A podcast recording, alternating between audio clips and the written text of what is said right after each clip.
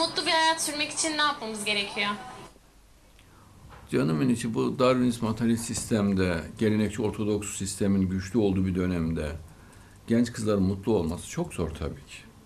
Elbisenize karışılıyor, kıyafetinize karışılıyor. Mini etek giyemiyorsunuz, dekolte giyemiyorsunuz, makyaj yapamıyorsunuz, saçınızı boyayamıyorsunuz, parfüm süremiyorsunuz. Kaşınızı bile almanıza müsaade etmiyorlar. Süslü güzel giyinemiyorsunuz. Baban koymaz, annen müsaade etmez, dayın müsaade etmez. Sokaktaki çakal müsaade etmez.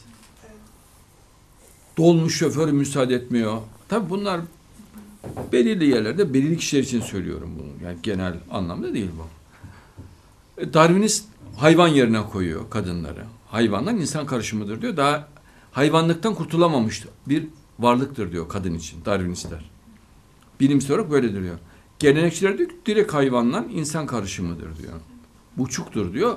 Aklı da yarımdır, dini de yarımdır. Yani dinsizdir diyor. Dinle, bak di- dini yarımdır diyor. Aklı da yarımdır diyor. Bu ne demek yarım? Yok demektir yani. Aklı yarım ne demek ya? Aklı yok demektir yani. Zaten cehenneme gideceğini düşünüyorum. Cehenneme gidecekler diyor. Onun için ne dersler tersini yapın diyor. E böyle bir durumda kadın mutlu olur mu ya?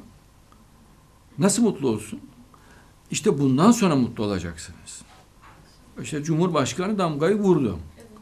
Bundan sonra yollarca bağırtılarına boş verin. Onlarda hiçbir şey çıkmaz. Damga çatır çatır yıktı ortalığı yani. Çok şahane oldu. Bundan sonra Kur'an Müslümanlığıyla ortalık yatışacaktır. Ha, süratlenecek bunun onu da söyleyeyim. Bu 3-5 yılda acayip sür süratlenir. Zaten sürate dikkatinizi çekerim. Mehdiyet'in damgasını vurdu Cumhurbaşkanı.